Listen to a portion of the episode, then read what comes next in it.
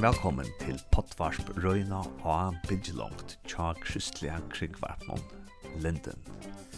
Henta samråan som tog først at høyra nå, hon er ur morgonsendingen i Linden som heter A Bidjelongt. Og samråan er klippt så løs bors at løyene til høyrast ikkje vi hesser samråan.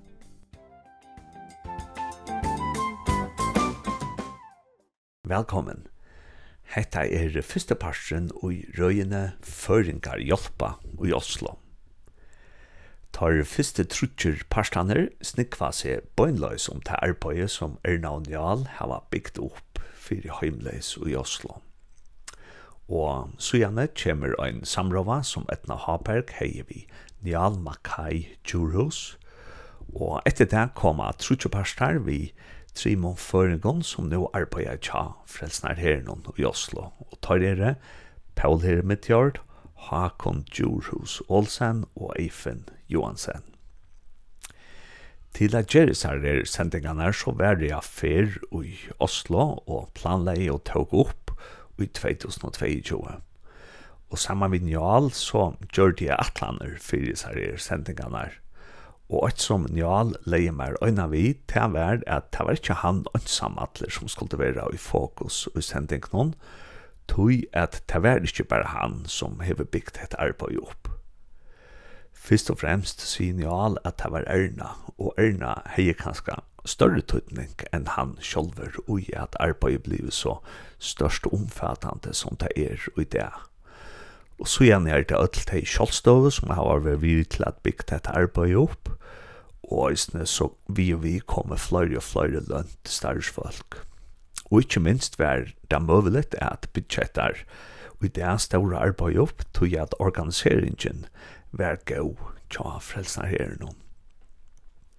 Og så var det en rikve av samstarspartnerne her i middelen allmenner myndeløkere, og eisne private stjórar som gavi i mist.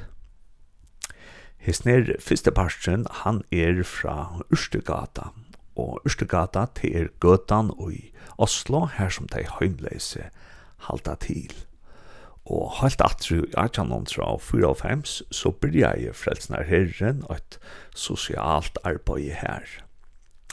Ta i Erna og Njal så kom til Ørstegata, så var det først og fremst et herberg her som det var store sovesaler.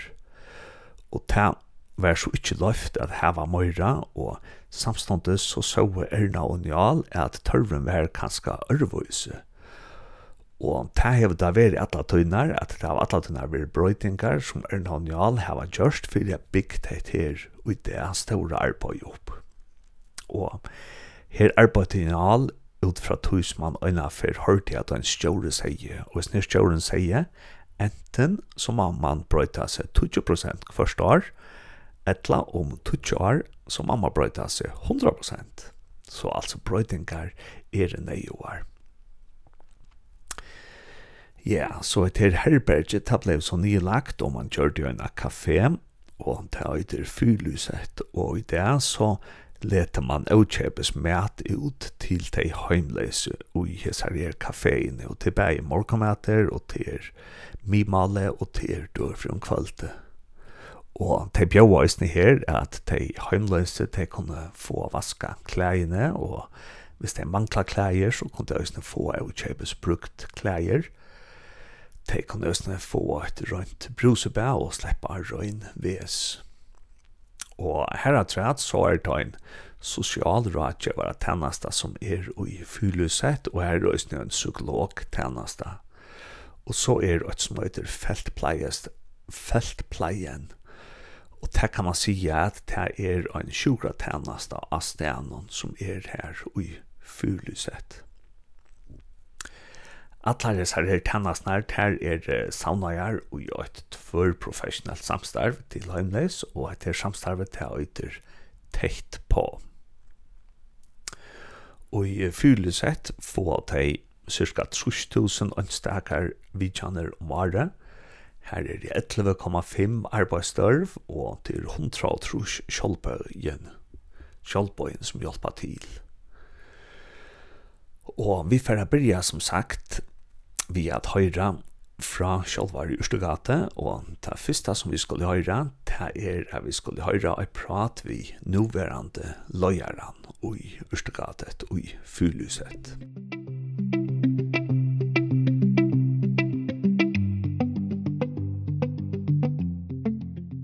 er så kommet om man her i et som heter Ørstegade, og her er med et eller annet et arbeid som heter Fuluset, her som Njal har arbeidt i Neknekvar. Og nu slår jeg over til norsk, fordi jeg sitter her med den daglige leder av det her sted, og han heter Geir Gustavsen. Eh, Geir, skal du måske starte med at eh, presentere deg selv, fortelle litt om deg selv? Det kan jeg gjøre. Som du sier så heter jeg Geir Gustavsen. Eh, jeg jobber nå som daglig leder for tre tiltak her i Urtegata. Det er Fyrlyset kontaktsenter, det er vårt helsesenter som heter Feltpleien, og så er det et prosjekt som heter Tett på åpne rusmiljøet i Oslo. Så det er min stilling nå. Jeg er utdannet sykepleier og intensivsykepleier, og har jobbet i Frelsesarmeen siden 2014. Ja, altså du har vært her i ja, nesten ni år, mm. og nå har du så vært leder i et halvt år, mm. eller litt mer hvis, hvis vi tar den her tid og, og spørker liksom, hva, hva har du lært om, om, om, ja, om de her mennesker i de her ni år? Har du forandret ditt syn på, på menneskene som lever på gata? Ja, helt klart. Jag har, det gjør starkt intryck å jobbe så nært på en gruppe som er så utsatt og sårbar, og som har så vanskelige liv. Eh och det det är det är starkt och jag har fått en stor ydmykhet för att det kunde varit mig. Det kunde varit dig, det kunde varit min bror eller far eller mor.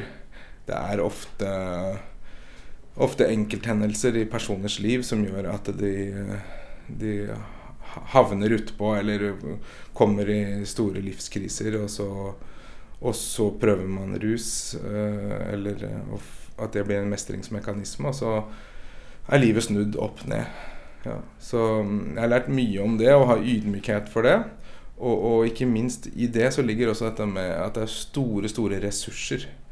Många ser på de som oppholder sig i öppna rusmiljöer som ett problem eh och tänker inte på att dette är människor som har levt liv i många år och som har ja, många yrkesbakgrunder, livserfarenheter, massa färdigheter Så det är väldigt spännande och och jag jag var nog farga för jag började den jobben av eh, av fördomar mot rusavhengige. Mm. Så så när alt kommer til alt, är det ikke så stor forskjell på mig og dig och sånt. Dem som står utenfor? Nej, det är ingen skillnad. Nej. Eh här här ute och inne i våra lokaler så är det människor med hög utdanning, ingen utdanning, eh som har varit flinke i idrott, som inte har varit det, som är eh, kulturintresserad som är uh, musiker som är läser böcker och ja ja ja, ja. många svårt uppgående. Så så är det en fällesnämner här hos oss att de de har ett väldigt vanskligt förhåll till till rus och, och väldigt många har psykiska lidelser. Ja. Och och så vis vi tar liksom om om det här sociala system som du är en del av här och det som det offentliga vad har du läst är det gode arbete i bland sådana folk och vad är måske negativa sidor av hur systemet fungerar? Mm.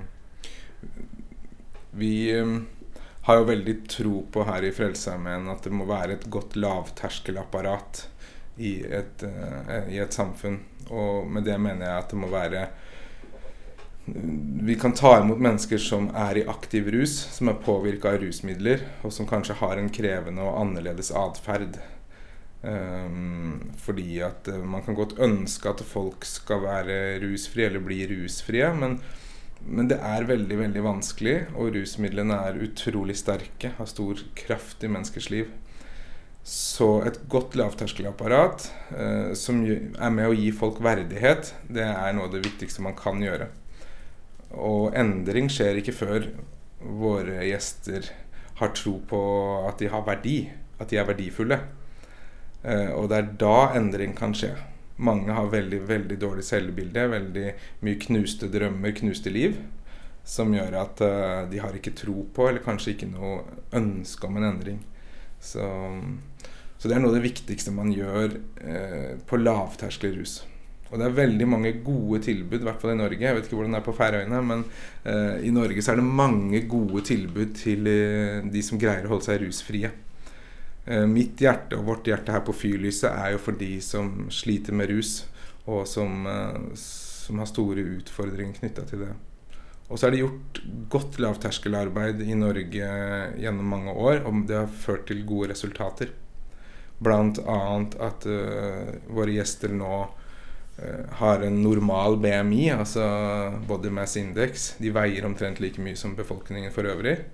De lever lenger. Eh, og de har de overlever mange sykdommer de ikke gjorde for 20-25 år siden. Og det er litt tilfeldig. Så det er et bevisst arbeid man har Ja, helt klart. Bevisst ja. arbeid. Eh, det ene er dette med lav, gratis eller svært billig lavterskeltjenester med ernæring, med hjelp til sosiale spørsmål. Det har med boligpolitikk å gjøre, at folk får tilbud om boliger. Og så har det med helsetjeneste, feltpleier å gjøre. Og så har det med at nå får våre gjester behandling for sykdommer de tidligere ikke fikk behandling for. Blant annet nyresvikt eller hepatitt. Nå får alle tilbud om behandling for hepatitt, og det gjør at de lever lenger. Och det är så på grund av Jeres fält vad det nu du kallar det fält fältfärgen fältfärgen och ja. och och och gatuhospitalet och det är liksom ja. speciella tillbud till dem. Ja, korrekt. Mm. Och många andra goda goda krafter då. Ja. Oslo kommune är ju väldigt god kommune på tilbud till vår målgruppe. Och och vi är också stolta av att kom, Oslo kommune väljer att bruka oss som samarbetspartner. De støtter oss med flere millioner kroner årlig her på Fyrlyset. Eh, så det er jo også en bevisst politikk fra Oslo kommune. Ja, og, og da du kom her til som sykepleier, var, var det liksom meget bevisst at jeg vil gjerne arbeide med, med liksom gatens folk? Eller var det litt tilfeldig at du liksom startet här. I Frälsarmen så lika jag bruke ett ord som heter gudfeldig. det är inte nödvändigtvis tillfällig. Men jag, jag hade ett önske om att, å göra en forskjell och bidra, uh, göra något bra. Um, jeg skal ikke lyve og si at jeg hadde et kjempestort hjerte for rusavhengig når jeg begynte, men jeg synes det hørte spennende ut. Og så har mer den der fascinasjonen og respekten for disse menneskene kommet i stor grad etter hvert, når du ser hvem de er og hva de, hva de sliter med. Uh, ja, og så og en utrolig meningsfull jobb da. Kunne bidra så, så konkret i en menneskers liv. Mm. Och och och så tänkte jag med med vad vad du har läst gjennom de här nyår så vad har du läst om dig själv genom att arbeider her i de år? Um, jeg har lært mye om litt, dette vi snakket litt om i stedet med ydmykhet. Altså det kunne vært meg, uh, kunne vært min nærmeste familie. Uh, og så er det noe befriende med å jobbe med denne målgruppa at de er mange svært ærlige. Så vi får høre väldigt direkta tillbakemeldinger både på positivt och negativt och og väldigt ofta så har de ett poäng i vad de säger. Så jag har lärt mycket om både personliga egenskaper och och sårbarheter. Vad är det vad är det jag blir triggad och sint och provocerad av och vad blir jag lei mig av? Det har jag lärt mer mer av här i en tidigare arbete jag har haft Ja, och så vill jag lite spörda lite om om ledelse. Så du har varit ett ett halvt år som ledare här daglig ledare och jag vet gott att det är riktigt en längste tid men det är ofta något spännande observationer man gör i den första tid.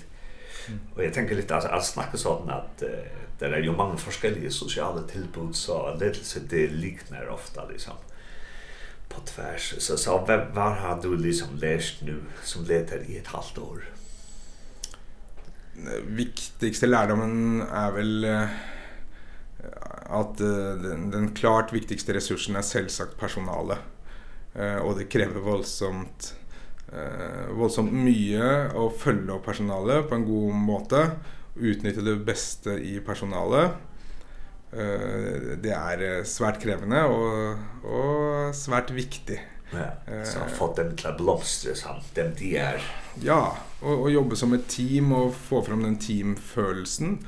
Eh det är vanskelig och kanske något av det viktigaste jag som leder gör. Ja. Och så detta med att å, att tørre och stå för ting och stå i det och och inse att uh, en arbetsplats kan inte vara ett 100% demokrati fordi at man vil aldri bli helt enige, og jeg har ikke hatt lederstilling før, og nå har jeg personalansvar for 25 personer. Så det er klart at da, da lærer du bratt læringskurve. så, men jeg opplever at jeg er greit i gang med det. Så, men men det, er, det er krevende. Men personalpolitikk og, og oppfølging av personal, det, det er den klart viktigste og vanskeligste biten for meg. Ja, så når jeg opplever alle de her ting, jeg bruker det som uh, supervision og debriefing og sånne noen ting. Nå forstår jeg ikke spørsmålet. Om ja, at du forklarte at jeg ikke stå i situasjoner med våpen og med politi og mm. med svært liksom sykebilder. Og, og vi snakker liksom om, om din ledelse ja, for personalet. Ja. Så bruker jeg liksom debriefing ja. og supervision og sånne ja. ting. Ja Det har vi. Vi har jo beredskapsplan og en del planer for den type situasjoner. Men så er jo alle situasjoner ulike, så det nytter ikke egentlig å ha en fast oppskrift. Men det er noen hovedpunkter da. Og, og det er jo umiddelbart så bør man ha diffusing, hvor man liksom bare raskt snakker hva skjedde nå. Og så kommer man inn i en debriefing kanskje litt senere og går gjennom Och så har vi ett system där den ansatte ska skriva avvik, skriva ner vad som har skett, beskriva händelsen och hvor vi går igenom det med tillitsvalgte och värnombud för att se kunde vi hanterat annorledes blev den ansatte gått följt upp och så vidare. Ja, och vad kan vi lära av den situationen till nästa gång? Korrekt. Ja. ja. Så så det gör vi mycket. Och så har vi ju bedriftshälsotjänste som den enkelte ansatte då får tillbud om hvis det är traumatiska upplevelser. Mm. Ja så så var det ju liksom mest intryck på dig. Det är någon av dessa skäbnen till dessa personer vi jobbar med. Eh vi har eh ganska jävnliga situationer där vi står uppfört som pårörande till våra gäster. Och det är i grund ganska starkt och rart eh att det liksom de har ingen andra. Mm. Eh kan i, i vart fall inte som de förer upp. Så, ikke søsken, ikke foreldre, ikke barn. Men, men vi i et ganske tilfeldig lavterskelapparat blir satt opp som nærmeste pårørende. Og det, det er veldig sterkt. Jeg har vært i begravelser hvor det nesten ikke har vært noen andre enn oss fra Frelsesarmeen representert. Det er veldig merkelig og gjør voldsomt sterkt inntrykk. Eh, at eh, i, i et egentlig vellykka samfunn eh, så går det mennesker rundt som har nästan ingen pårörande. Ja. Og også selvfølgelig hvis man blir alvorlig sjuk och mm. jag vet inte, hvis det sker store händelser i vårt liv, hvis vi ja. får barn eller får en ja. kæreste, så, så er det ofte liksom familjen man ja. tyr til, men der, der har många av dem, de har slett ikke noen tänkte pårørende. Ja, enten har de inte eller så har de brutte relationer. Det är ju många som har, att inte alla är döda, men det är ingen kontakt. Eh och det är kanske ödelagt brutt. Det kan vara familjen som har brutt med den rusavhängige eller motsatt, att den rusavhängige inte önskar kontakt med sina. Eh, och det är förfärligt trist. Eh, och och det kan vara helt in i döden. ja, så ja. Det är det är trist och rart. Ja, mm. så det är både en, en uppgave och en gåva. Ja, det kan du si.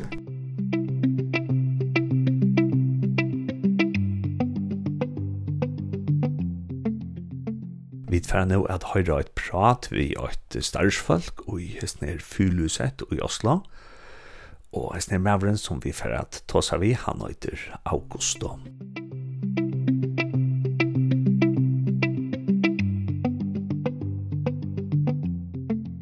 Hei, jeg heter Augusto Alan Chikaya.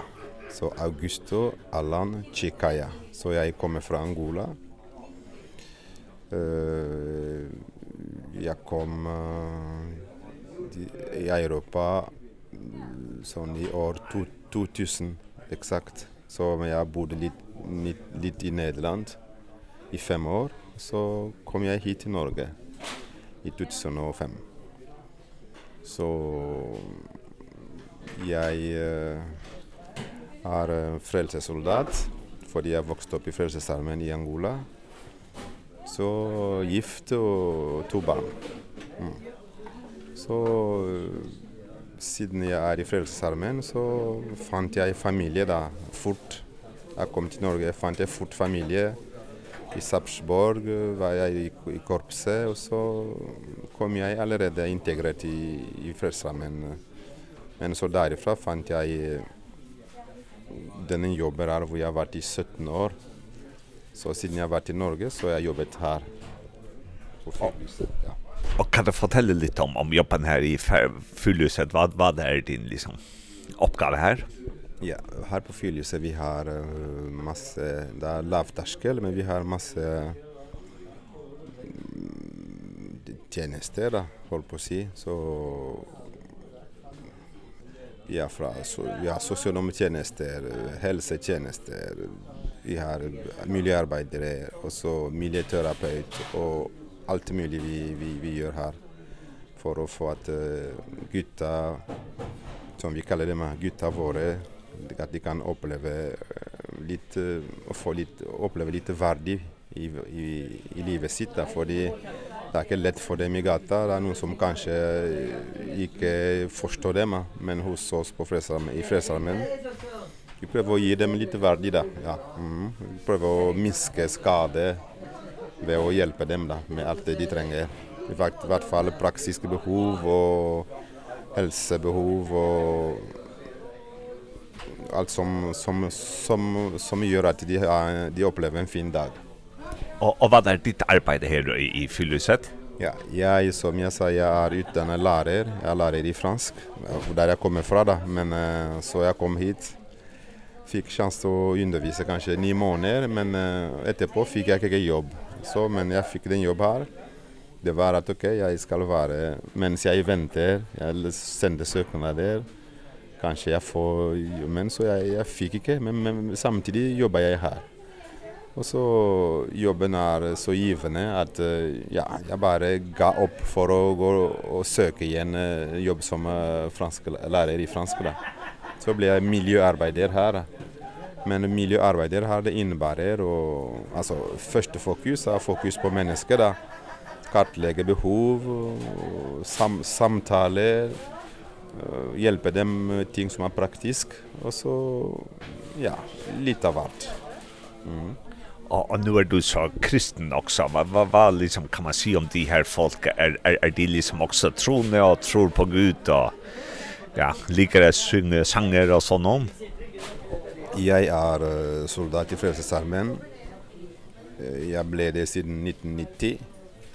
Og så fra foreldre som, er, katoli som var katoliker, fordi jeg kommer fra Angola, så naturlig var katoliker, fordi Angola var den første portugisiske koloni.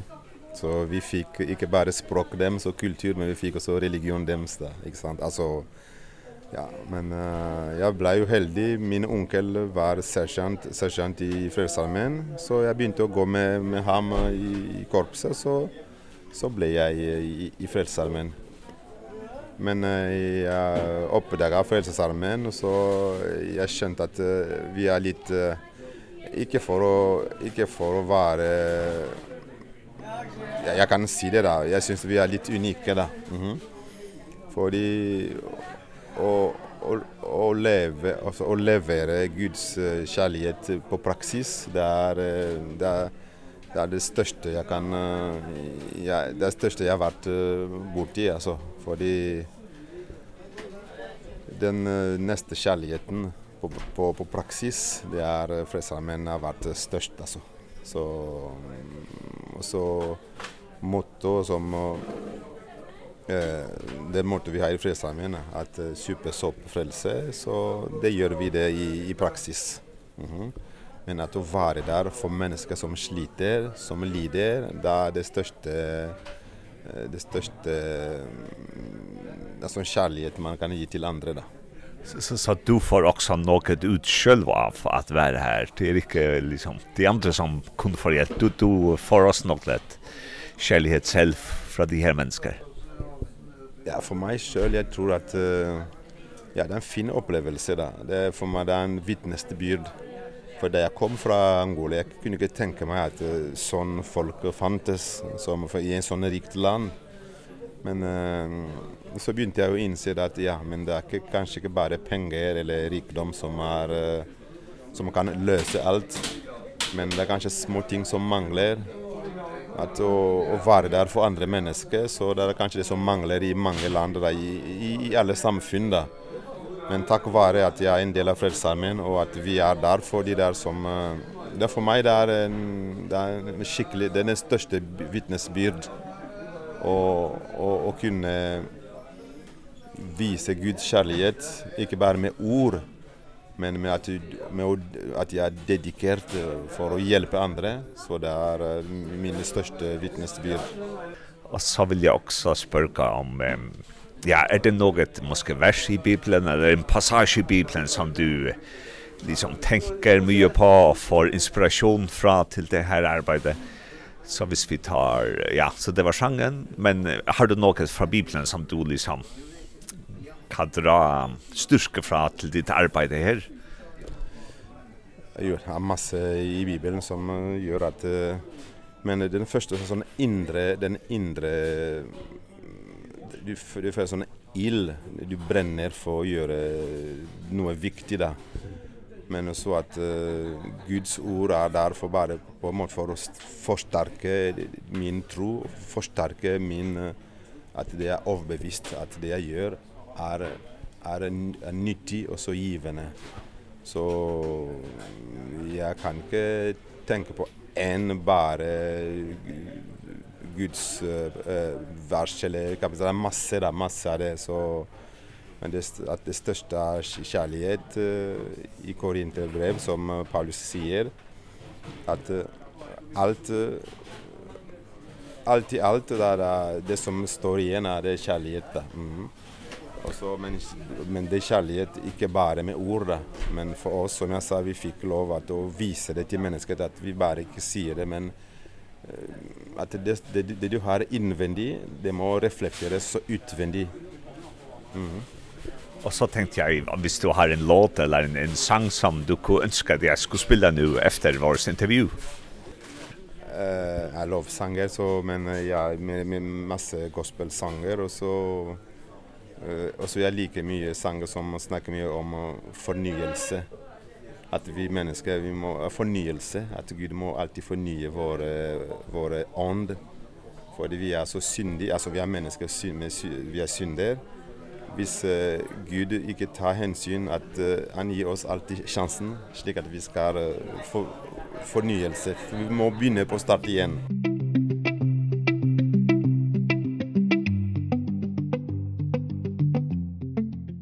Jeg fikk også en løyve at hitta nekrar av brukaren i fyrlusett. Og her kommer først et prat vi en som heter Geir, og han hever med landa vi sjåmaver rundt i fyrjon. Og her at rett så var han nøysen i øyne fyr av Ølasøk i fyrjon.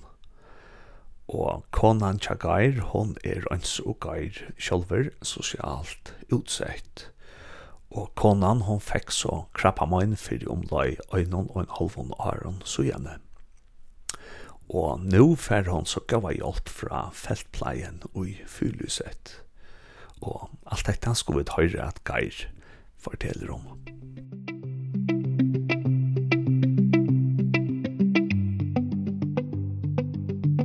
Så jeg sitter her i fyrlyset i Ørstagata, og jeg har med meg Geir. Og Geir, du, du kjenner litt til Færøyene og Færinger. Ja, ja, jag är sjöman och har som sagt många år på sjön och utan någon styrman så jag kom fort i kontakt med med färjevärgen så med flinka sjöfolk. Vanke borde på det och, och en troende folkeslag. Ja. inte minst. Ikke, ja så så wow, ja, det är en, en det var, var en, en, en fin en av de finaste tiden av livet mitt å få oppleve ferien. Wow, ja, den som det er noe jeg aldri glemmer. Og så var du en gang på færøyene til Ølasøga. Kan du huske hvordan folk var der på Ølasøga? Ja, det var, det var, gjestligheten var der. Den var så stor at uh, det er vanskelig for meg å beskrive det. For, for uh, det, var så, det var som å komme hjem til min familie. Eller, ja, hjem, hjem til meg, altså. Jeg er fra Nord-Norge og reiser på sjøen derifra. Så, så wow, det var noe, wow, det var som 17. mai nesten på ferien. Så det var bare wow! Väldigt bra. Och var folk vennlige med alla saker? Det den var ja, den var vennlig. Jeg har inte några har alltid vært, som sagt ett ett et, det var imponerat mig på alla möjliga måter. I fiskerinäringen och i det hela tatt med de de ja, de med flere. det er god vänlig vänlig folk. Det är dan, ikke det danske, jo det er Danmark. Ligger i Danmark än så länge. alltså är du väldigt glad för för fältplejen här på Fyllhuset för det din kone är sjuk. Kan du fortälla lite om det? Vad vad får ni hjälp för hon här? Och kona mi fick kraft eh, något i skärtorsdag i fjor. Vi fick gå hit idag och, och, och Men eh, jeg hadde ikke, vi hadde ikke noen andre plasser å hende oss til enn akkurat til fyrlyset. Eh, Nå er jeg en troende mann selv, og, og prästen här han Odd han, han hjälpte oss vidare då och de damerna de har hjälpt oss något helt otroligt med med med att komma in på gatuhospitalet och få lindring och, och pleje där och så så de har gjort det vår Herre wow vi öppnar vart för mitt hjärta för dem. Wow, de är duktiga. De är flink Amen for det. Amen for det. Har du et vers fra, fra Bibelen eller en sang som liksom betyder mye for deg? Eh, nei, jeg, jeg syns alle salmene er gode. Det har jo andakt her hver onsdag som jeg prøver å komme på. Da. Så, nei, jeg har ikke noen favorit. Jeg syns han Odda han spiller på piano her, jeg syns det er bra nok. Og hvilke han spiller, det, jeg får ikke med meg det hver gang. Men tilbudet her er jo formidabel. Wow! Formidabel og bra. Ja, glimrende er det nok historier fra, fra Bibelen du godt kan lide, for eksempel med Jesus og samaritaneren, eller, eller da Jesus sier han er, hva heter det, hurtig, eller, eller at Jesus er verdens lys? Ja, altså, jeg har, jeg har lært hjemme av min barn, jeg tror, og min bestefar, uh, tro på meg så får du evig liv, og enklere enn det går det vel ikke an å ha det, tror jeg. Et, et, et glad budskap og et godt budskap, og så et enkelt budskap och och och lätt att lära, lätt att skönna. Har det härifrån från hjärtat så gör det resten själv. Och gick du i, i søndagsskole där du vokste upp i Norrnorge? Det gjorde Det var ikke några valde valgte selv, men något jeg måtte. och få stjärna i boka. Men, men det har kommit gott med meg likaväl. Ja, det har det. det, har det. Så du är glad för det nu? Virkelig, virkelig glad. Absolut, ja. Tusen tack er. Varsågod. Det var, så, det var glädjen på min sida. Helt jämt i färgen.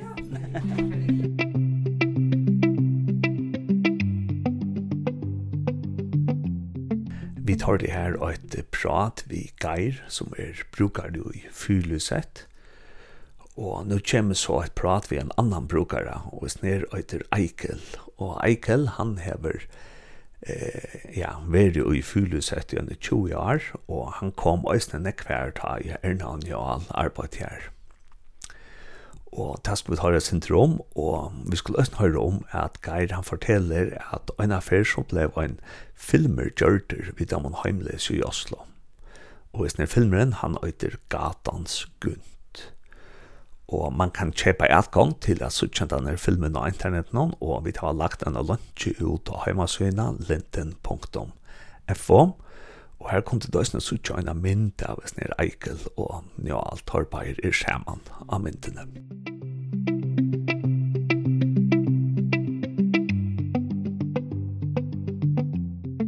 Så jeg sitter her i Fylysett med et Egil, Ja, jeg kan du fortelle litt om, om det her fyllesett? Hva, hva lager de her?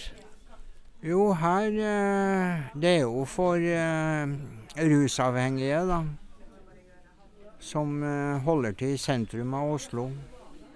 Og her uh, er det vel det som praksisen til Frelsesarmeen. Her får du mat, og her får du dusja, og rene klær, og så er det en helseavdeling opp her som ordner med helsa til folk. Og, og liker du at komme her i Fylleset? Ja, jeg er hver dag. Så jeg har vært her i, ja, hvor mange år er det da? 20-30 år, tror jeg. Og, og husker du Daniel og Erna, de, de var her og arbeidet? Ja, ja, ja, ja. Det husker jeg veldig godt. Det var i fin tid. Så vi savner litt humoren til Njål. men det er mye humor her enda, faktisk. Så... Og fikk han lest deg noen ord på færøysk? Nei, det tror jeg ikke. Ikke som jeg kan huske. Men eh, han er jo stiv i norsk, da. Og så tenkte jeg, å spørre deg om at det var en gang at man uh, innspilte en film. Ja Så det var gatan skunt, per gunt. Kan, kan du huske hvilken rolle hadde du i den filmen? Ja, jeg husker det. Da hadde Da var gata skunt. Gatas per. Og, og, og Njal var han også med til i filmen? Ja, ja, han var presten. ja, det var og, og var det så presten som, bekjemp, som bestemte over, over Per Gunt? Nei, det var ikke det. Det var det var jeg som var sjefen. Og, og, og kan du huske, liksom, filmen kom den, kom den rundt omkring i Norge og ble den sett av mange folk? Det vet ikke jeg nå. Den ble vel vist et par ganger på TV-en, vet jeg, men uh, det ble en bra film. Så, og den ligger vel på YouTube, tror jeg, eller uh, på internett, så det er bare å se den. Ja. Ja, så jag ska finna den om man ska länka ut till den på vår Facebook sida. Eh och och eh, Ja, så så det är frälsararmén och sjunger ju också liksom gamla sanger och och sjunger samman här. Ja, vi här äh, sjunger vi på äh, det är ju egentlig veldig lite. Det er en, bare en halv time i uh, uka. Det er um, sånn uh, messe her men, uh, på onsdager. Og da er det jo sang. Det er veldig mange som er flinke å synge her. Og så er det en liten andakt på søndager. Så det kunne ha vært mye mer, spør du meg, men det er sånn de har valgt å prioritere tida her. Ja, og så tenkte jeg i radioutsendelsen at jeg spiller en, en sang nu, eller en låt. Har, har du en salmesang eller en sang som du godt kan lide, som jeg kan spille? Ja, eh, vi har jo den der eh, perleporten som vi pleier å synge her, da. Han har åpnet perlepokken. Som en herlig guddomskilde Mäktig du var ena stor Er den kærlighed og nåde Som i Jesus Kristus bor.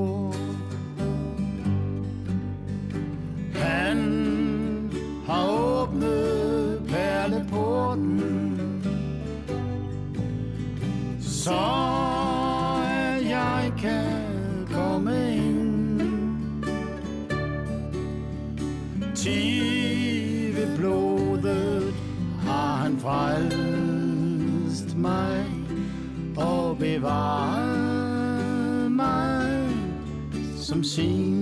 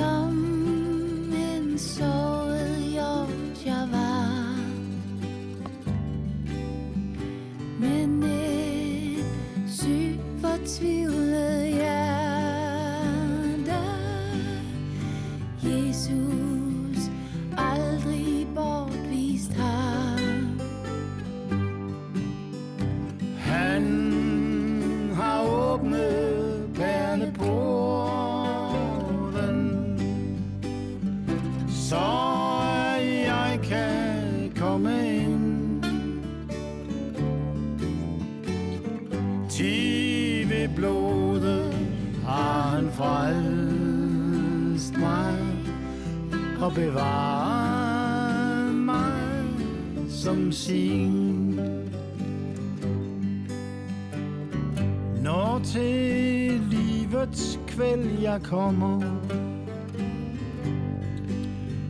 Og ja, porten banker på. Der for Jesus store nåde. Skal den åben for mig stå?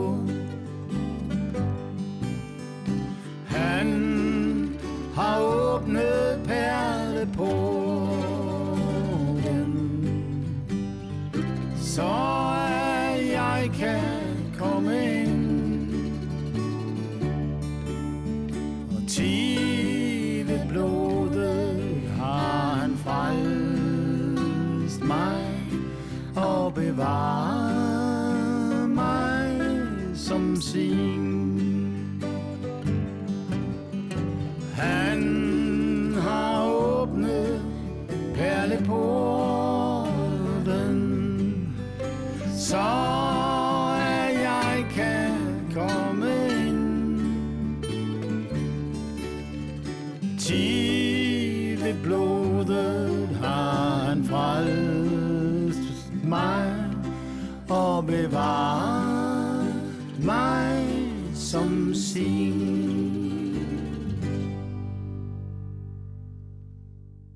praten framanundan hørte vi at Eikel fortalte om filmen Gatans Gunt. Og nå får vi så at høyre og prat vi Nial Makai Djurhus om tilgångna vi snir filmen om Gatans Gunt. Og ja, det er mulig at suttjent denne filmen av internetten, og her kan man kjøpe akkurat.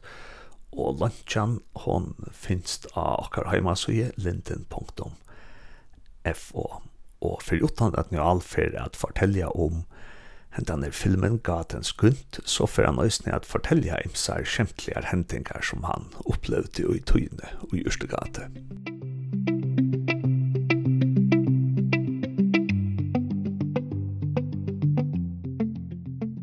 Ja, så vi var vi var nere i fylus et og to, og ta ta seg vidt i en som hei spalt vi i en film, og det var... Uh, Per Gud, som vi kjenner vel til Ibsen, som vi skriver til. Og, og det er jo noen særlig oppleving, gøysene, njalt ta i, ta og man skulle teka Per Gud opp, og det var så løs at his nær som var instruktører, han ville gjerne hava lika som de folksne som levde i gøtene til å spille den filmen. Ja, det var ikke så latt, tror jeg, at um, han er til halva brein. Mm og han er veri han er veri i, i Hollywood og arbeid her og gjør filmer og, og, og tidsi opp her. Så kom han til Norra til han han fann ut av at uh, den kvinnan som han uh, ta var gode vidt at han var helt unger han fann ut av at hon ikkje var gift. Og han kom alltid til Norregs fyrir at uh, ta spyrja om ikkje tei kunde vera saman. Ja. Og det er oalmindelig hon har følt bæg i tvei. Og jeg feknes iver sårna søver. Ja. Så kom han til mun om han enn det, og så sier han, ja, jeg har lise om det og i bløven hon. Og jeg vil så feien hjelpa deg ved en filme. Men eh, hvert kan hjelpa deg ved fyrst?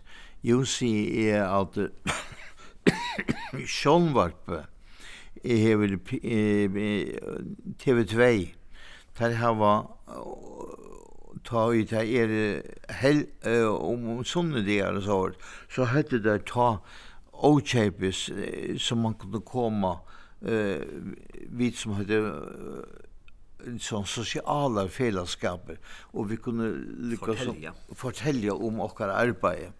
Och ta var det att at uh, han sier, men jeg skal gjøre en film for det kun, så han gjør det en film som jeg næst, jeg vil ha gått, og så sier han vi med, til, ja, jeg halte vi kunne færre gjøre akkurat anna eisne, så jeg har funnet jo det at høy, at disse følgjene som to hever eh, gengande kjent her, det er gløgg ja, sier jeg, valgsikna verdet, hei, nekklokkene er flere av taimon, så det kan så godt hava glede av. Og så får du deg, så får du vite og hukse om hva du skulle gjøre, og så tenkte vi til at det, det var kanskje best å røyne å gjøre en film som uh, man heie, uh, man, man heie ja, kom til å ha glede av, og så visste hva det dødde, og ta funnet ut av at Henrik Ibsen er skrivet Per Gunt. Og så sier han, vet du hva, hvis vi tager Per Gunt og kattler filmen for Gataskunt, altså Gunt av Gøtene, ja. så halte jeg folk færre at uh, at lusta etter å koma, uh, hitja etter filmen, og han etnaist ekvilja godt, men her var en ekv som måtte gjerast ta. Jeg minnes at vi tok opp, uh, og vi funnet ut av folk fra grøtene som måtte være vi her. Og så funnet vi ut av at uh, jeg og en som var Helge Klemp, han var fyrverande eisne gøtemæver og, og, og då det vela sloast. Ja. Eh och och han kom arbeta som är och gjorde ett äckla gott arbete efter han kom ut ur fängsel. Ja. Så uh, fick han arbeta som är. Og ta si er eh, vi halvar at nu skal vi drøyna at få folk at Uh, fra gøtene å komme og, og, og spela filmen.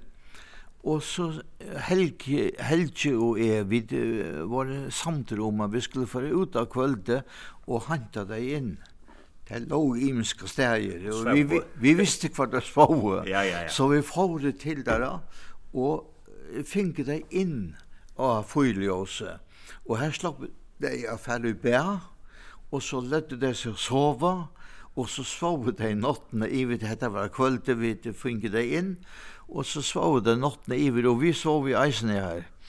Og så uh, var det jo såleis at uh, de var så pass gløyk at de, de myntes til alt. Det var ungen, det heter Lise Manus, og det mintes alt. Og det gikk bare godt, og vi undreist iver hvordan godt det Jack tja dem. Og hver fer vi tar, det var, vi tatt, vi tok opp av filmen lenge tog, var då. Og ta i så hver fer vi høtte filmen, eh, opptøket, så måtte vi ut av kvöldet. Og halvar han, han domde väl att vi ordnade upp så att alt var klart i han kom morg morgonen efter. Och så sa jo, eh, dronning Sonja var ofta tjåkon. Etla träffna i teatoina ta tjåkon och jokon. Eh, tog drottningen hon, hon, hon, hei, hon, hon var sosialt instilla og ringte at, at fylgja vi hva det hendte i samfellan. Så hun ringte om han og spurte om hun kunne komme. Og først før hun kom, ta eh, kom hon ta og jeg visste ikkje hvordan sett for å vera så vi får ordna i ta opp at vi skulle hava tutsi tølv som kom at sida vi henne opp i ærehatt her vi skulle eta døvra. Men så eh, ville hun komme eisne eh, ta i vi hette døvra fyrir en 200 som kom og ta jola aftan til at eter nere. Og så minnes jeg at akkurat den tannmorgenen eh, så eh, kom en maver inn til moen. Eh, og så sier han vi med Njal, eh, jeg, er, jeg er så forharmaver, jeg eier tvær dronjer, og tar genga på eier her, og er rusmisnøydare og narkomaner hva skal jeg gjøre? Så sier vi igjen til, vi tåsar saman alvarsliga landja, og så sier han vi med til å tullja eh, ta jola aftan, så sier han vi med til en jola, veist du hva? jeg, jeg er bare så forharma av, men nå færre jeg sted, og jeg er, jeg synes det irriterer av reisene. Og da han kom ut av eh, kontor, eller skrivstolen som er, Da tok han nevan og sendte han tjøkken veggen. Oi, så han... Det ble, det ble et størst hål i veggen. han kjørte et hål i veggen? Ja, han kjørte et hål i veggen. Og så tenkte jeg at du, du var sterke som klarer det her. Og så tenkte vi meg selv om eh, hva skal nu gjøre? drottningen kom ju skulle komma. Nej, hon kom a middag. A middag. Ja, ja, och jag heter Tullia Ja, ja. Så säger vi, vi, vi med Kjolvan, och man gör kött. Så säger vi Erna, Erna, du teker branda en av mannen som kommer her og leter han godt ui, Så han teker saman vi tære mot drottningene. Det er man renna nian heim til moin etter omkron at, at, at, at gøyma hålet. Det drottningen er jo henne damer med alle moldingar. Eh, så er han etter skunda mar heim og kom om han at det sørste løte og snakk, ta var smekk, ta i onke smekka en, en, en nagla ui, og vi hengte en mynd fyrir hålet, og det var en mynd av Jesus som, som vi tok heimann fra.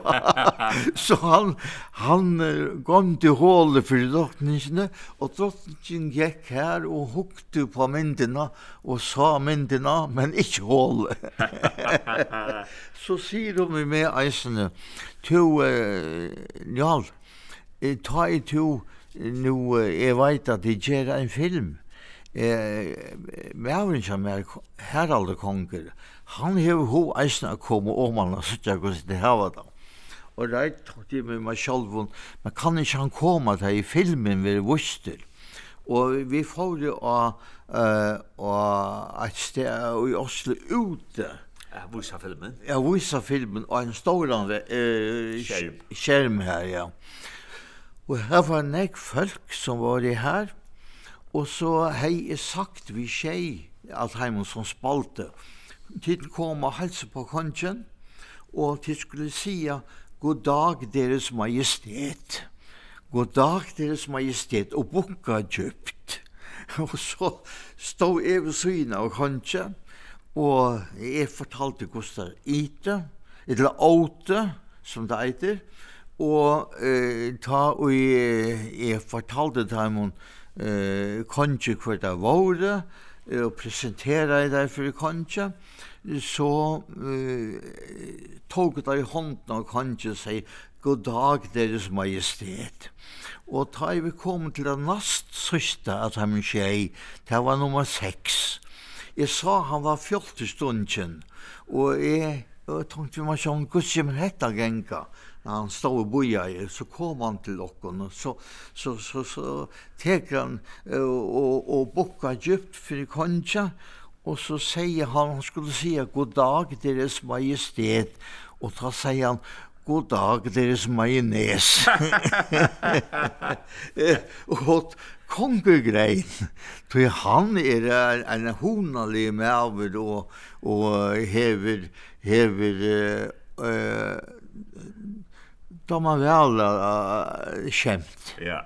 Ja. Så han tog det bare som skämt. Han tog det som skämt og, och så gjerne var vi ute oppe i slotten og tar vi funnet da vi funnet kongseskål til konan og jeg og da vi kommet igjen av slottet så pratet vi om da konger er vær i fyrjon som kronprinser han var i Osland i Eisland da hitt han her oppe da jeg var i Osland og vi pratar ju nekv om om han visste väl om färjar konger och han eh, säger till att han hon hon domte välföringar och han kände till sövna och ta ta ta ta ta ta grimen detta sån här. Ja, myntes det. Ja, ja, minst det. Han kallar for det som majonnäs. Ja.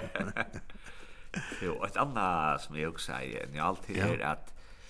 en en en en som er rostropläkar. Ja. Han han han minnes ikke alltid om det er over et eller annet Nei.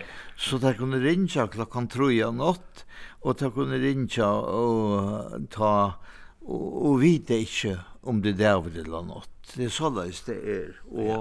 hever være. Og, og, og tog blei det jo såleis at um, at det var ikke så latt. Onkra Stottli her vi eisne her. Det var en som ringte til meg klokka 3 av natten, og så ville han ta seg ved Erne. Så sier jeg, valsikna ver det, Erne kommer om nekra tøymer klokka 8 av måten til arbeids. Og takk at du snakka ved henne. Nei, han ville ta seg ved henne, nu bare veien. Så sier jeg, høyr her gåe, varst du når du ringer? Nei, jo, jeg ringer klokkan er troi. Ja, men til klokkan troi av natt, og ta ble av han Ysalvirus, så sier han jo, oi, oi, oi, oi, sier han. Njal, har vi ringt klokkan troi av natt, nu ledger av røret. Så tjekk han tog med, så ringte han atter. Ja. Oh. Det var ja. klokkan fyra om nottena. Klokkan, klokkan fyra om nottena.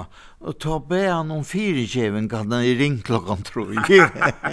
så ta vakt han til Anna fra tre. Ja, og så vakna Erna vi, så sier han, hva det er dette for nek at du eh, ringer til døgn? Jo, sier vi henne, vast du kvart, eh, han ringte klokkan tro og visste ikke at det var nått. Og så ringte han atter, klockan fyra och bär mig orsaka att han är ringt av något. Och det här var lika som enaste fel jag hörde kona som är ta gröna av något att höj.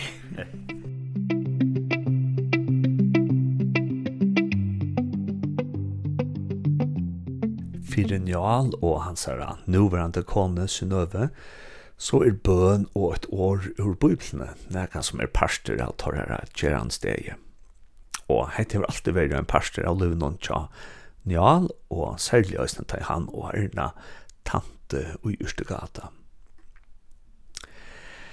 Hentan er vidtjanen som er gjørte i Oslo, hon avverska i meg inn av salene. Og jeg sier ved meg ta jeg før ur Flikvarnon, ur Oslo, at jeg må gjøre noen brøyting og jeg må gjøre noen gjerne steg til minnes om jeg sa gode ferie og det var just nækka vi bøn og bøybelesne. Og det var så løs jeg hver morgen da jeg får til Njal og Sønøve, så begynte vi vi at vi tok hver sitt mannakott, altså et lydpapur vi er noen til viltærlig om bøybelverset ur bøybelene. Og så gjerne bøv vi en av stått av bøn her vi løtte deg inn framfor god. Ikke nekka hokus pokus.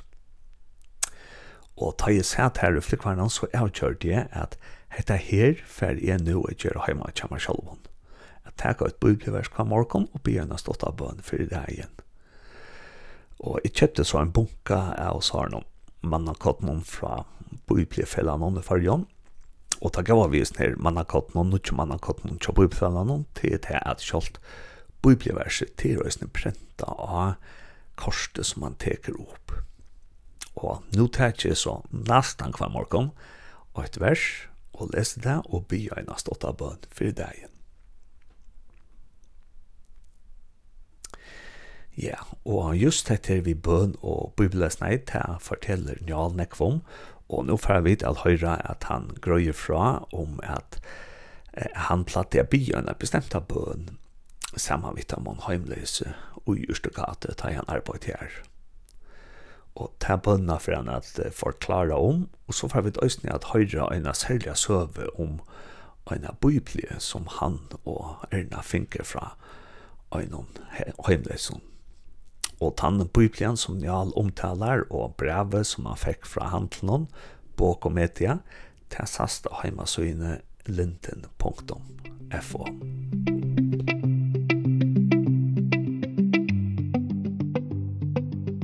bøn som tid som tid alltid platt jeg bia. Ja, og tann bønnen eh, be i eisne ta det kom inn av skrivstana i Kjamal og vil de skulle bia for dem. Og hessa bønna hava vit bia heima som er i ødel år. Eh, og jeg skriva henne nyer, og jeg halte at, at, at hon, hon var virkelig en, en hjertelig bøn og jeg kan lesa henne, jeg har skrivet nyr av føresken eisene, er vi god, til fire bøn altså, er vi god, to uh, og jeg kjenner sorger vara og gleder vara, vi kattla te og i bønen okkara og bia, ver tja okkon og ver tja mer, og hjelp okkon og hjelp mer, ta i vid grata, ta vid er åtta full, ta og heva linde til a klea. Trosta okkon og djev okkon styrkje til a bera birer dagsens. Tu høyrer eisne og ser vårt takksemme og undran, og gje okkon ödlun mot, meie og vogn. Tu god er sjål okkara, tu er hjelpare okkara, og du har styrkje okkara. Amen. Og så kunde man bia eh, vi egnen åren eisne, men jeg halte handan bønen, domde det så vel ta i, ta i, eh, i skrivana nir, og eh, tei, i hei en lytjande, og, og tei kunne lesana saman ved mer, eh, og er en sjolve for at bia vi egnen åren, fyrir daimon. Og hese bønene hava her vi er bia heima kvann einasta der. Så vi hava til og i okkara heime at vi lesa Guds år og vi bia og han vi bia dagen. Til en, en frasøva om en biblie ja. som er sinte spesielt han søvan. Ja, ja Ja, er, er, er, vildi så fegin vera gå við okkum. Ja. Og her er ein skriva, han gir okkum eina biblia, Ja. Eh og du sagt hon hon tog är litt kjand her. Ja ja. Så. Og her her er ringt att söka vad han har skrivit ja. han han skriva inte spänt. nei. nei. nej. Så han han han er ju där en bibel hon er brun. Ja. En flott biblia. Ja, flott biblia. Så har han skrivet en halsja av første søye. Ja, og jeg har skrivet en heve søye da, så øtl kunne skilja hva det stender her. Akkurat, ja. Og eh, det er i 2014 vi fingrarna, og så stender her i Denne boken er en gave til Njål og Erna fra meg.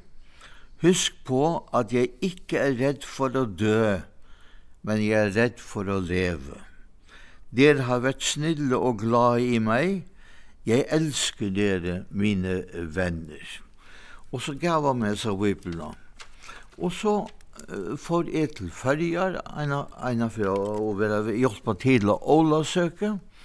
Og da jeg kom uh, til følger, så ringte det fra Norge. Og 18, det var tog bedre var at han åla søke.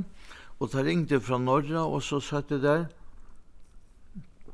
eh, tunjal, Nå ligger det som bævna dodja.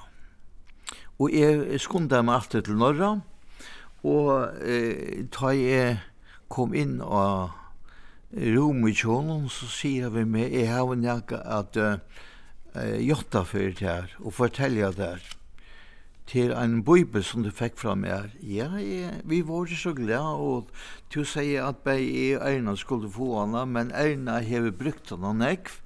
Så sier han med meg, og jeg skal bruke henne nå, selv ja. at, han, at Erna er færen. Og ta sier han med meg, du Njal, eh, jeg må bare gjøre for det her, at eh, jeg har stjålet disse bøyben. Jeg får inn i bok og media som det eiter midt i Oslo, og jeg får inn her og fikk bøybelen og tok han innanför trötjena og nere i buksene. Ja, og stjålarna og stjålarna og får ut efter og jeg, jeg vil så fein at jeg skulle få en gave fra meg. Så sier jeg har nu her tæta vi rå nu skal du ut av løyven noen og ta skal vi bare ta det pura rålet, Jeg skal ordne opp av det her. Så eh, ikke tanke på det her. Vi skulle heldig tanke på det her nu, at du skal forlate etter liv. Og ta bo vi saman og låse saman, og, og, og han var nøgte vi det å jeg sier. Så får jeg nian i boken media, og eh, ta jeg kom her, så eh, sier vi stjåren her, jeg har en av bibli her som eh, jeg vil fe, eh, jeg feien vil kjalda fere. Eh, tog jo hon i given mer og konen tjamar, funnje at vita fra honom at han vil stjåle nå. Og nu er det kommet for å gjalda. Da hukter han på meg, så sier han, Østerkvært, du skal ikke gjalda for det her. Det er godt at du kommer og tar vi med om det, men eh, vi skulle klare å overleve at han var vibelen i stjålen fra åkken. Men jeg håper at eh, hun er veldig glede for Beitikken og for han som stjål henne. Og så sendte han et brev til min, og dette brev ligger her. Og her stender det som brev og bekreftelse og det er skriva i eh, 2018, og her skriver han, det bekreftes med dette at det er i orden med forevist bibel. Vi setter pris på viljen til å rydde opp før det blir for sent. Vi regner med at Bibelen gjorde nytte og gleder oss over det. Og med eh, vennlig hilsen, Øyvind Hjemdal daglig leder. Ja, og det var så bok og med til, fra at du handlet noen. Ja, fra at du handlet noen. Og så håpte jeg at vi da funnet trutja av bibler, eller fyra av bibler jeg træt fra Taimund, fra Gøtene. Og det er akkurat på samme måte. Yeah. Så jeg får alle stedene og ville kjalda, uh, Men atlasene var sagt, nei, du skal ikke hjelpe for disse voisene. Jeg sier, jeg vil rensa samvitskene til mer, og samvitskene til at som har gjort dette, men her vil det bare være honer i måte med. Hetta potvarspe til Hørte, det var en samrøva ur morgenshendingene av Bildtjelångt og i kringkvarten om Lindene. Og om du vil høyra fløyre samrøver fra å ha bildt langt, så kan du bare løyta etter hysner og noen bildt langt og i tog potvarspespilleren som du pleier å bruke. Og her er det såleis at hvis du truster av til rinjeklokkene som er nir under navnet noen, så er det såleis at du bare fylger potvarpene og øyne at hver jeg fer en nutjeparster kommer ut, så først då en notifikasjon, et eller annet bo om at nå er nødvendig parster kommet ut.